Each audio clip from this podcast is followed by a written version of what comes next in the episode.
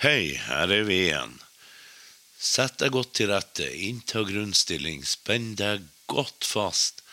Skjenk i kaffen eller sprett en øl, og gjør deg klar. For nå kommer jeg til å sveive i gang tidsmaskina, og så starter vi av gårde.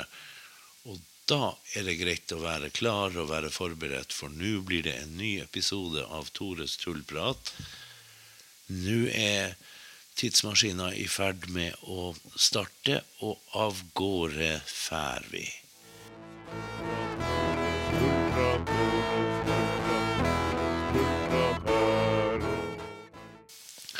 I dag så skal vi lande i 1916.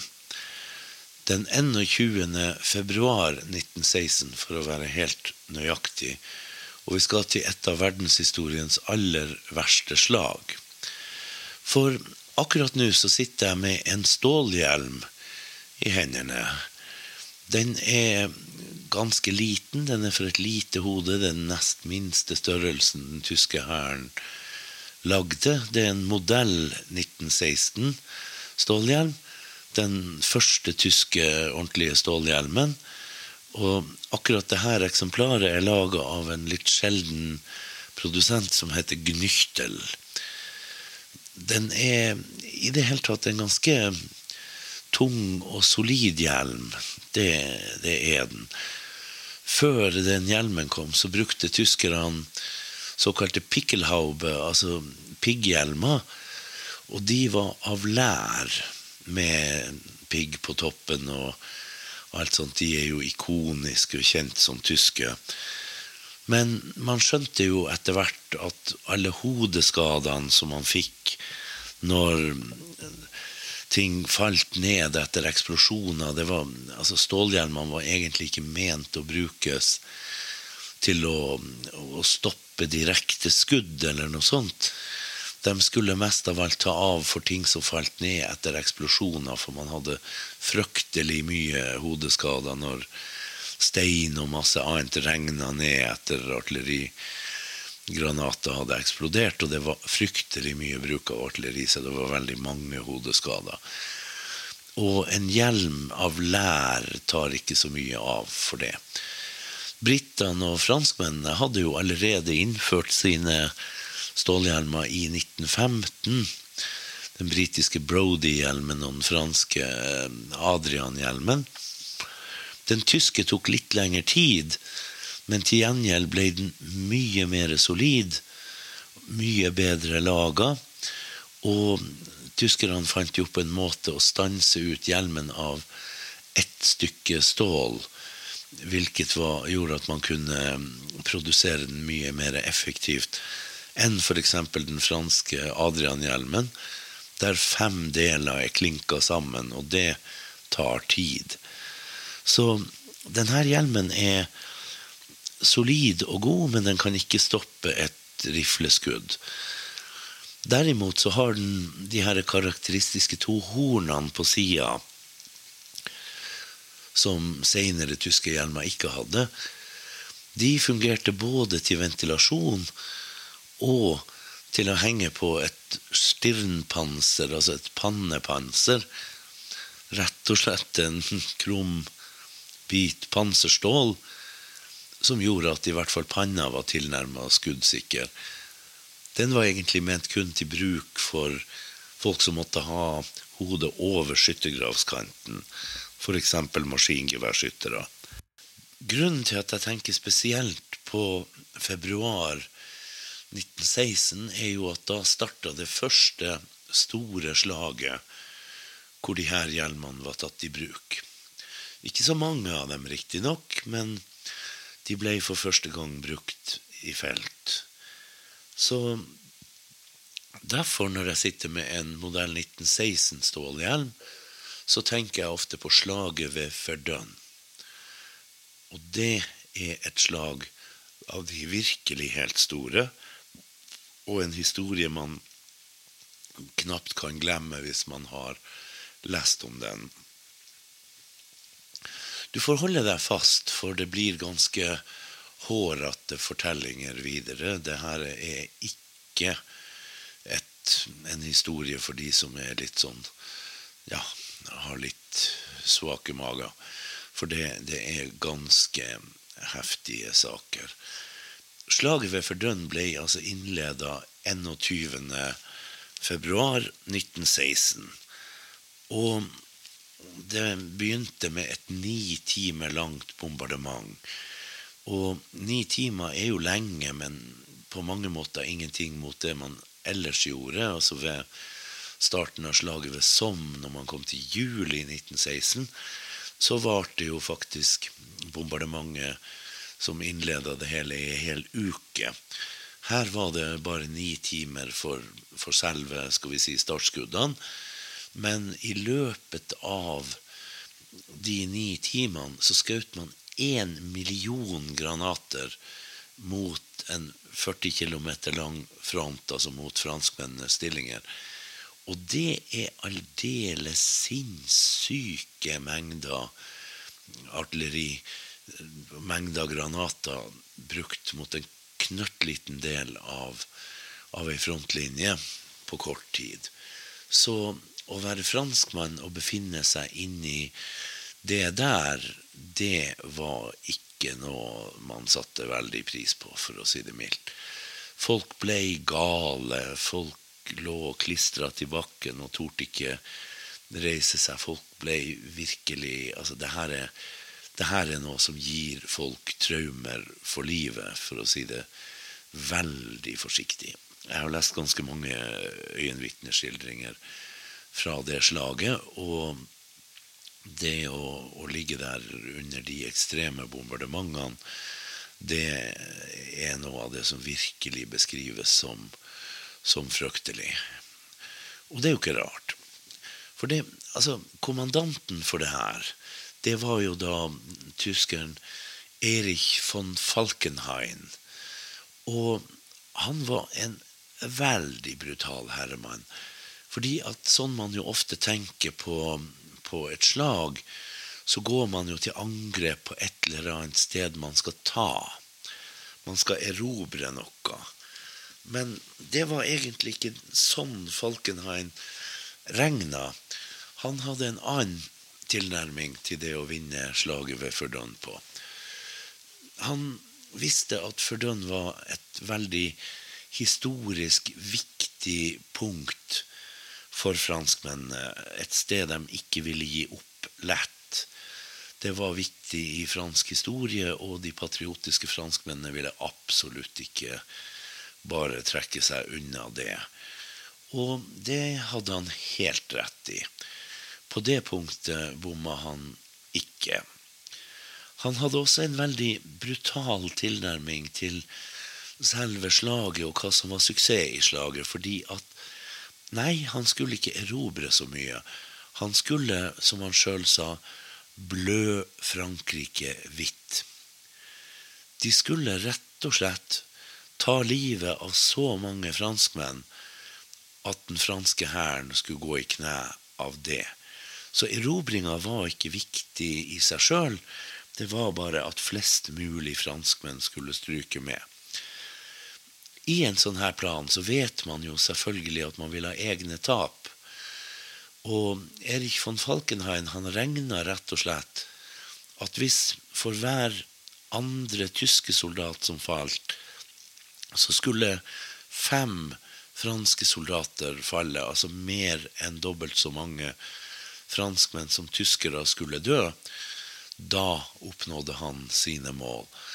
Så han var fullstendig villig til å ofre hundretusenvis av tyske liv hvis det bare kosta flere for franskmennene. En, en ufattelig kynisk strategi.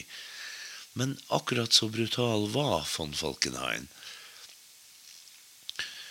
De gikk ganske tidlig i slaget til angrep på Fort Douaumont, som var dårlig forsvart. Og når tyske styrker kom og for aller første gang brukte flammekastere i tillegg til kanoner, geværer, giftgass, alt det andre de hadde i arsenalet, så var det lite den lille bemanninga i Fort Douaumont kunne gjøre for å holde tyskerne unna, og de ble fort nedkjempa. I det hele tatt, slaget var voldsomt. I begynnelsen var den franske general Petain som leda de franske styrkene, og han trakk dem jo noe tilbake fordi at posisjonene deres var veldig utsatt, og i det hele tatt han mista veldig mye folk ganske meningsløst. Men han ble veldig fort erstatta med Nivelle, som var langt mer offensiv. Og den franske patriotiske holdninga om at ikke en tomme land skulle oppgis, gjorde at de ble stående nede i lavlandet i veldig dårlige stillinger, mens tyskerne kunne bombardere dem fra bedre posisjoner i høyden. Franskmennene mista jo også mye folk i håpløse motangrep i oppoverbakka, hvor de ja, rett og slett ble meia ned hardt og brutalt. Det viste seg ganske fort at tyskerne hadde slett ikke så små, små tap som det von Falkenhayn hadde ment de skulle ha. Så det her jevna seg egentlig ganske kraftig ut. Begge hærene lå ja, de løyd fryktelige tap. Og kampene gikk frem og tilbake. Etter hvert ble jo også Fort Vaux tatt av tyskerne. Da, da, er vi kommet til juni. Og tatt tilbake av franskmennene osv. osv. En av de tingene von Falkenhayn spesielt hadde tenkt på, var det at muligheter til å forsyne Verdun med ammunisjon, nye tropper, mat, alt mulig, det kunne bare skje gjennom én eneste vei, som i etterkant er blitt døpt til Den hellige veien. Mens tyskerne hadde tilgang til jernbane ganske nært til fronten og kunne få inn mye mer folk og materiell. Så, men, men franskmennene mobiliserte som bare det. Brakte inn folk og roterte egentlig enheter inn og ut ved fronten, sånn at omtrent alt av fransk infanteri hadde vært innom der før slaget var over. Så de klarte faktisk å forsyne Verdun med det, med det de trengte. Og til slutt så hadde det fra fransk side vært over 600 000 soldater inne i slaget, mens fra tysk side var 400 000. Så den her ene veien som tyskerne mente var absolutt en svakhet ved forsvaret av Verdun, den var jo det, men de klarte å holde den åpen, og de klarte å få folk og materiell frem. Og dermed så ble det ikke til noen, noen fullstendig utslettelse av den franske hæren. De holdt sine stillinger, sjøl om slaget bølga frem og tilbake gjennom ti måneder, og land ble tatt og gjenerobra og tatt og gjenerobra og sånn, så, så, holdt de faktisk stillingene. Og allikevel så kan man jo tenke seg at det var en tanke om å trekke de franske styrkene litt bakover til høyere stillinger der de kunne forsvare seg betraktelig bedre, men bak Verdun og tapene ville da blitt enormt mye lavere. Som det var, så mista franskmennene 160 000 mann, altså drepte. Og totalt, altså med drepte og såra, Altså nesten 400 000 mann. De tyske tapene var 143 000 drepte og med drepte og såra til sammen omkring 330 000 mann. Så omtrent 700 000 mennesker ble enten liggende igjen på slagmarka eller såra i løpet av slaget. Det er enorme mengder menneskelig lidelse vi snakker om. i et ti måneder langt blodbad av et slag. Hva de her stakkars menneskene gikk igjennom, er nesten ikke mulig å, å se for seg. Og jeg har lest mange øyenvitneskildringer ifra det slaget, og de er helt forferdelige. Jeg skal la være å lese opp sånt, særlig fordi f.eks. For beskrivelsene av hva ofrene for flammekastere og sånt gikk igjennom før de døde, det, det er ikke noe for, for sarte mager, for å si det litt mildt. Men i det hele tatt, det er et voldsomt slag, det her. Og i, i en av øyenvitneskildringene jeg har lest, det, det, der nevnes det her med stålhjelmene. Fordi at stålhjelmer som den jeg sitter med her nå, de var kommet, de gjorde nytta si, men de hadde fått altfor få foreløpig. Produksjonen var rett og slett ikke gått langt nok. Så den her soldaten som kom marsjerende inn til Verdun sammen med, med da vennene sine, de hørte jo en voldsom artilleribeskytning mens de marsjerte innover. Og de møtte soldatene som marsjerte ut. De var støvete, de gikk mekanisk og rykkvis. Og når man så i øynene på dem, så så man bare inn i et fryktelig tomrom.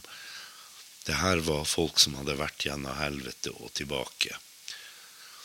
De soldatene som kom marsjerende ut, måtte gi stålhjelmene sine til de som marsjerte inn. Om akkurat denne stålhjelmen har vært ved fordønn eller ikke, er selvfølgelig umulig å vite. Jeg har en fransk stålhjelm, en såkalt Adrian-hjelm. Ser ut som en brannhjelm med en sånn kam på toppen. Og den er funnet i Fordøen, så den vet jeg har vært her. Den tyske hjelmen jeg sitter med nå, der er det ingen måte å vite.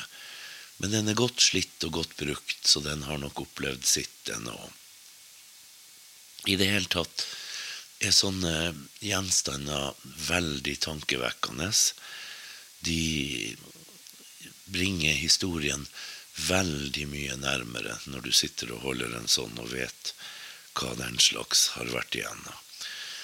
I alle fall så er denne hjelmen betraktelig bedre enn de gamle lærhjelmene, Pikkelhaube, i alle fall, og har gitt sin eier litt mer beskyttelse mot nå av de mange, mange farlige og fryktelige tingene den kunne bli utsatt for ved fronten, f.eks. ved Førdan.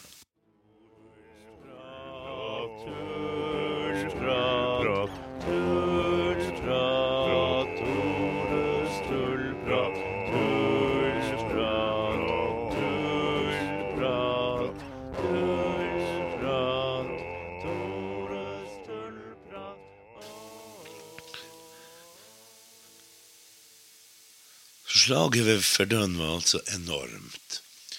Og det kosta franskmennene enorme mengder mennesker, ikke minst, og materiell og ammunisjon og alt mulig sånt. Og de var desperate etter å få åpna en annen front, eller i hvert fall et annet slag, sånn at tyskerne skulle bli nødt til å trekke styrker bort fra Verdun og rett og slett lette presset på, på området. Og det kom jo i juli 1916, da med slaget ved Somme. Det skal vi definitivt snakke veldig mye mer om, for der er litt av en historie. Det er også en helt uforglemmelig historie. For den er litt av et sted. Det er en del år siden sist jeg var der. Men Én ting er å gå på steder som Fort Douaumont og Fort Vaux, som jo er veldig merka av de enorme kreftene som har vært i sving der. Ved Fort Vaux ligger en kanonkuppel i, i panserstål som er smadra og snudd opp ned av kreftene av eksplosjoner. Du skjønner hvor enormt det må ha vært, det som skjedde der, når du ser den. Og ikke minst når man er oppe ved Ossuariet ved Duomo, den enorme franske kirkegården med kors på kors på kors. Det ser ut som de aldri tar slutt. Det er så ufattelig mange.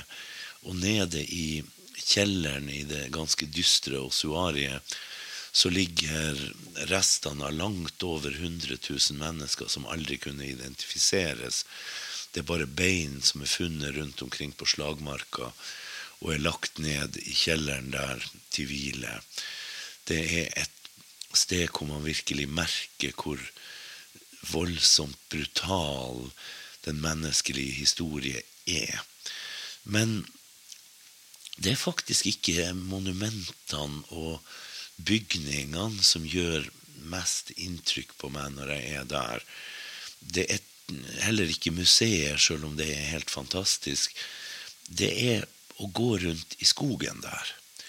For nå har jo skogen kommet tilbake. Den var helt borte etter slaget. Men sjøl nå når det er skog der igjen, så er det sånn at samme hvor du stopper bilen og går ut i skogen, så er det veldig ujevnt, og du skjønner veldig snart at det fins ikke en kvadratmillimeter jord i Førdøen som ikke er vendt igjen og igjen og igjen og igjen av granatene. Det er rett og slett ikke et millimeter jord du kan trø på som ikke er del av et granatkrater. Det er krater på krater på krater så langt du kan gå der inne. Det er helt vilt. Og det er piggtråd, og det er etterlatenskaper, og det er skyttergraver som fortsatt er godt synlig, som du kan gå ned. En forferdelig ting når man går der, er å vite at mange ble jo liggende igjen drepte, og på grunn av bombardementene som vendte jorda der igjen og igjen og igjen og igjen, så ble de borte og ble aldri funnet og aldri identifisert. De som ligger i bakken der nå, kan for det meste ikke identifiseres av den enkle grunnen at det er ikke noe av dem å finne. De er liksom spavent i jorda der på ny og på ny og på ny og på ny. Og malt i stykker til knapt noe igjen. Og derfor har du osuariet med alle de her uidentifiserte som ligger der, som aldri vil bli identifiserte. Som bare er masse bein i en haug. Om det er et bein av en tysker og en bein av en franskmann som ligger sammen, vil man aldri finne ut. For den er et skremmende sted på den måten. For den viser virkelig verdens galskap i sin aller reneste form. Det er helt forferdelig å tenke på hva som skjedde der. Det er samtidig spesielt å gå der, fordi at der er menneskelig vilje både til godt og ondt representert i det her. Det er, det er et merkelig sted. I alle fall så er verdenshistorien veldig, veldig nær når man går der. Og ja, det er mange perspektiver man får, og mange følelser man får når man går der. Det er de enorme kirkegårdene og alt sånt. Men det er også sånn som at da jeg var der, så bodde jeg på Hotell Le Tigre. Og Tigeren var jo kallenavnet til Clemenceau, som var leder i Frankrike på slutten av verdenskrigen. Og som alle andre bygninger i Verdun lå jo det her hotellet i ruiner da slaget pågikk. Og kjelleren sto igjen. Så den var førstehjelpsstasjon. Altså der man gjorde de første forbindinger og sånn på de såra før de ble da med stor fare frakta videre tilbake til behandling på sykehus for de som overlevde. Og det oppdaga jeg bare ved en tilfeldighet, for ingenting sånt står i informasjonen til hotellet når du booker. Men jeg bare så nedgangen dit og spurte og fikk vite hva det her hadde blitt brukt til.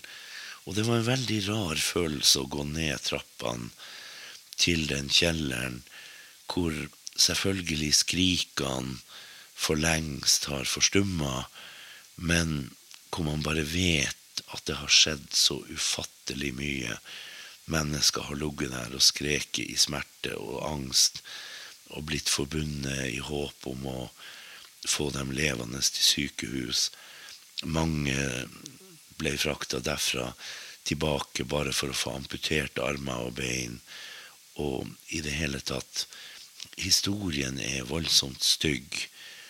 Men det, som alt annet, er menneskelig historie og verdt å huske og verdt å se på. Vi kan ikke vende blikket bort fra det stygge, for det stygge er en del av oss mennesker. Dessverre. Vi er gode, vi er så inderlig gode på så mange måter. Og så er vi samtidig ikke det. For den viser menneskets aller styggeste side, det viser hvordan vi bruker avansert teknologi til å gjøre mest mulig ondt mot hverandre, og lykkes så altfor, altfor godt med det. Mennesket er en art med enorm kreativitet og store, store evner. Det er bare så synd at vi bruker mye av den kreativiteten til å skade og drepe hverandre. Ingen skal påstå at vi ikke har gjort noe av det opp gjennom historien.